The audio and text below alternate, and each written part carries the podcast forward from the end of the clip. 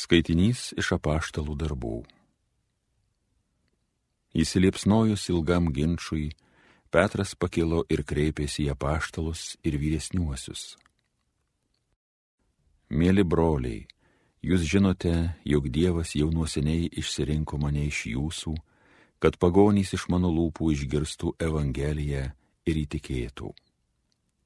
Ir Dievas, kuris skaito žmonių širdyse, paliudijo jų naudai duodamas jiems šventąją dvasę, kaip ir mums.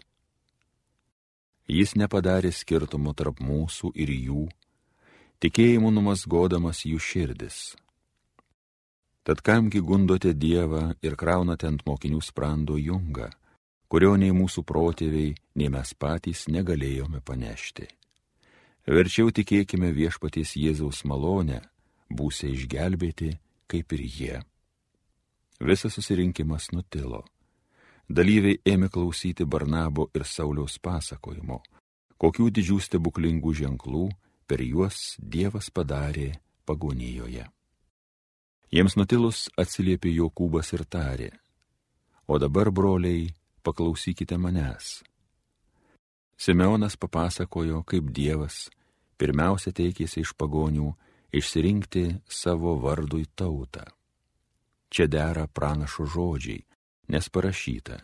Paskui aš sugrįšiu ir vėl atstatysiu suirusią Davido padangtę. Aš prikelsiu ją iš griuvėsių ir atkursiu ją, kad imtų ieškoti viešpaties visi kiti žmonės, visos tautos, kuriuose minimas mano vardas. Taip sako viešpats, leisdamas nuo amžių tai pažinti. Todėl mandink į Dievą atsivertusių pagonių nedėra apsunkinti, o tik tai jiems parašyti, kad susilaikytų nuo susiteršimo stabais, nuo ištvirkavimo, pasmauktų gyvulių mėsos ir kraujo. Matmozė kiekviename mieste nuo seno turi savo skelbėjų, kurie jį kas šeštadienis skaito sinagogose. Tai Dievo žodis.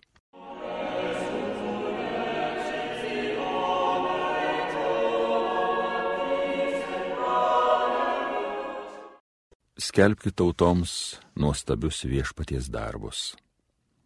Viešpačiui naują giesmę gėdokit, gėdokite jam visos šalys, gėdokite viešpačiui, šlovę duokit jo vardui. Skelbkite tautoms nuostabius viešpaties darbus. Skelbkite kasdien, kad jis išganimą neša, skelbkite pagonims jo garbingumą, tautoms jo nuostabius darbus Skelbkite tautoms nuostabius viešpaties darbus. Skelbkite tautoms, kad viešpats galingas valdovas, jis nepajudinamai tvirtą pasaulį sukūrė, valdo tautas teisingiausiai. Skelbkite tautoms nuostabius viešpaties darbus.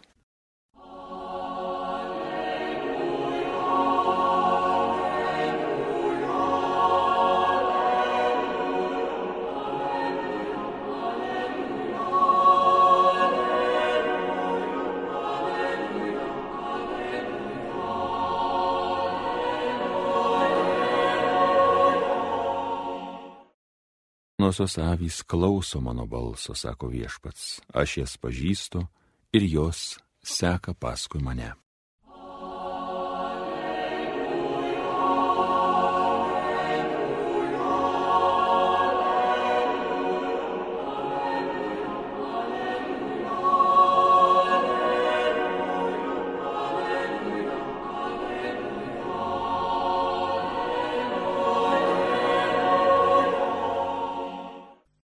Pasiklausykite Šventojios Evangelijos pagal Joną. Jėzus kalbėjo savo mokiniams. Kaip mane tėvas mylėjo, taip ir aš jūs myliu. Pasilikite mano meilėje. Jei laikysitės mano įsakymų, pasiliksite mano meilėje, kaip aš, kad vykdau savo tėvo įsakymus ir pasilieku jo meilėje. Aš jums tai kalbėjau, kad jumyse būtų manasis džiaugsmas ir kad jūsų džiaugsmui nieko netrūktų girdėjote viešpaties žodį.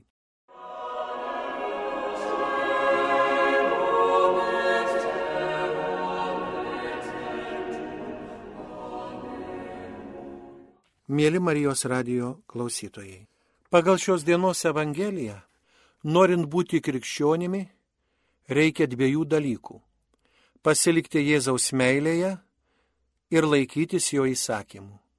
Meilė, apie kurią kalba šios dienos Evangelija, nėra romantiška ar savanoriška, bet meilė Dievui ir artimui kaip būtinybė, kaip oras ir vanduo.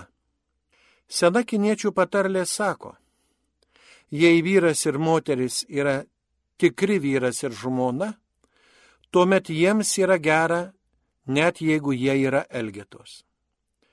Kitai žodžiais tariant, jei kas vienas kitą myli, jie yra laimingi net ir pačiose sunkiausiose gyvenimo aplinkybėse. Ir štai mus mėly tikintieji nepaprastai sujaudina tai, kad Jėzaus žodžiai apie tėvo ir sunaus meilę ir įsakymas mylėti vienas kitą buvo pasakyti paskutinės vakarienės metu. Judas jau buvo išėjęs išduoti savo mokytoją, jau išpranašautas Petro išsiginimas ir iš karto po šių įvykių, kuomet jau paleista švituoklė skaičiuojanti laiką iki mirties ant Golgotos kalno, Jėzus pasako, tegul neįsigasta jūsų širdys. Tikite Dievą, tikėkite ir mane. Po šių žodžių prasideda Jėzaus pamokslas skirtas mokiniams, kaip ir jo vainikas ir pabaiga nuskamba mesijo malda tėvui už pasiliekančius mokinius. Būtent šiame pamoksle, laukiant suėmimo ir nuosprendžio, Jėzus kalba apie tėvų ir sunaus meilę iš kurios kyla sunaus meilė mokiniams ir mokinių tarpusavio meilė. Jėzus kalba apie tai iš karto po žodžių apie vynmedžio šakelę. Tai reiškia, jog meilės esmė būti kartu su Dievu, būti jame.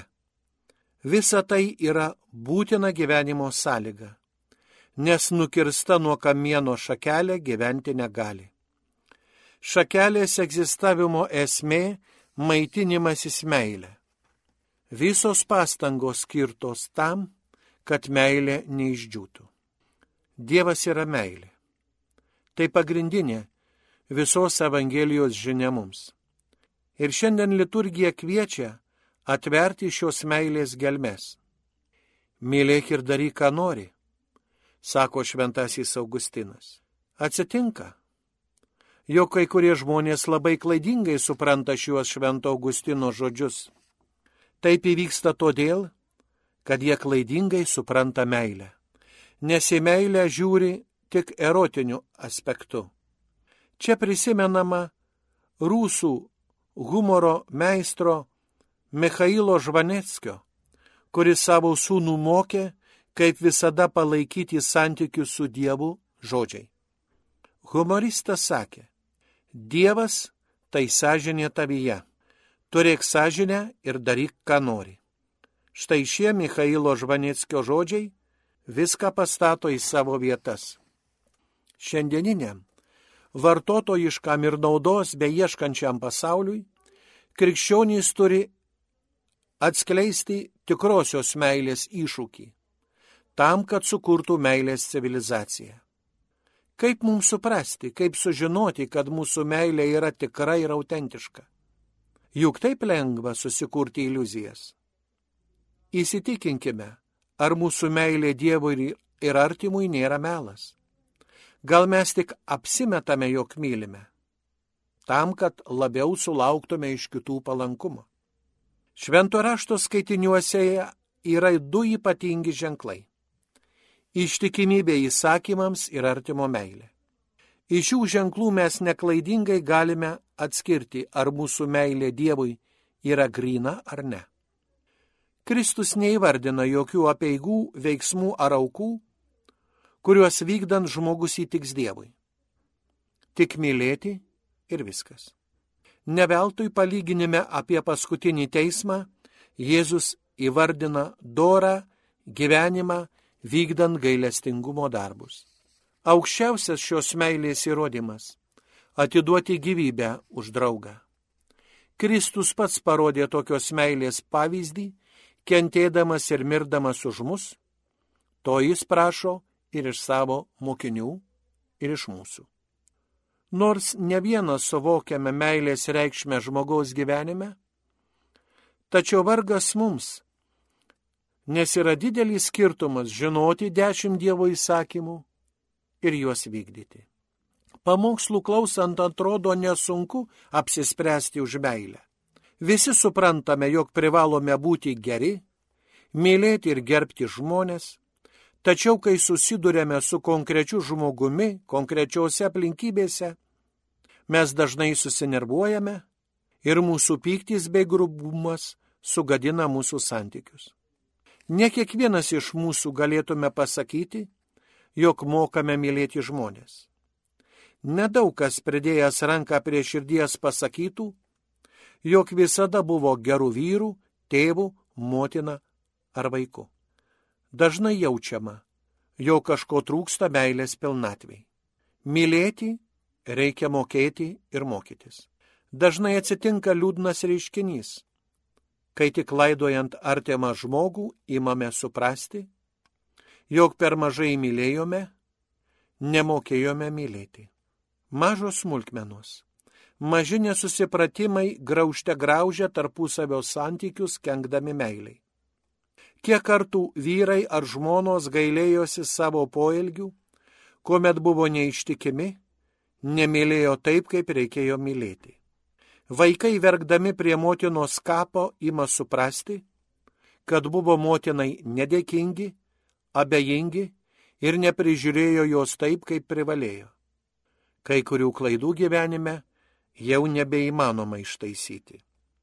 Todėl būtent šiandien, o ne rytoj, bet šiandien turime mylėti, šiandien turime pažvelgti šios Evangelijos apie Dievą ir artimo meilę akimis į mūsų santykius su tėvais, vaikais, giminėmis, kaimynais ir draugais. Mylėti reikia šiandien, kad vėliau nebūtų per vėlų.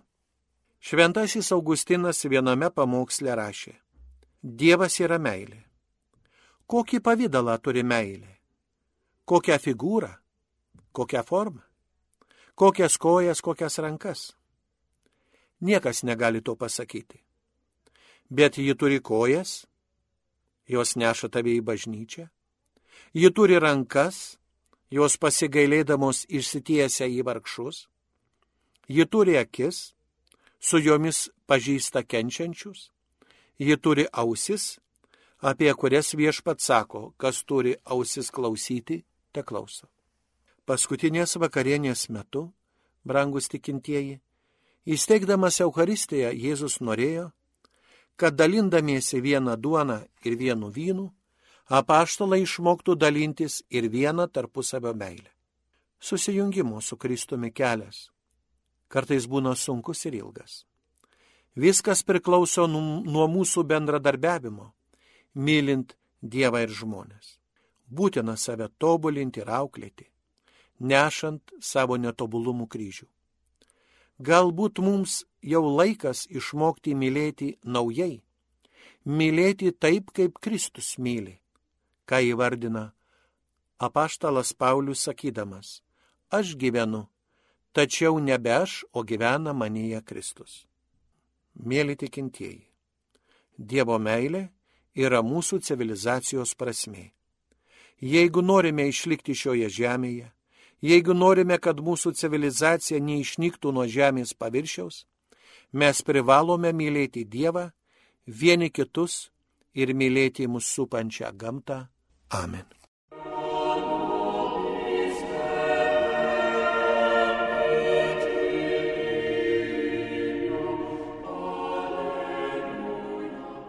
Homilija sakė teologijos mokslų daktaras monsinjoras Artūras Jėgelavičius.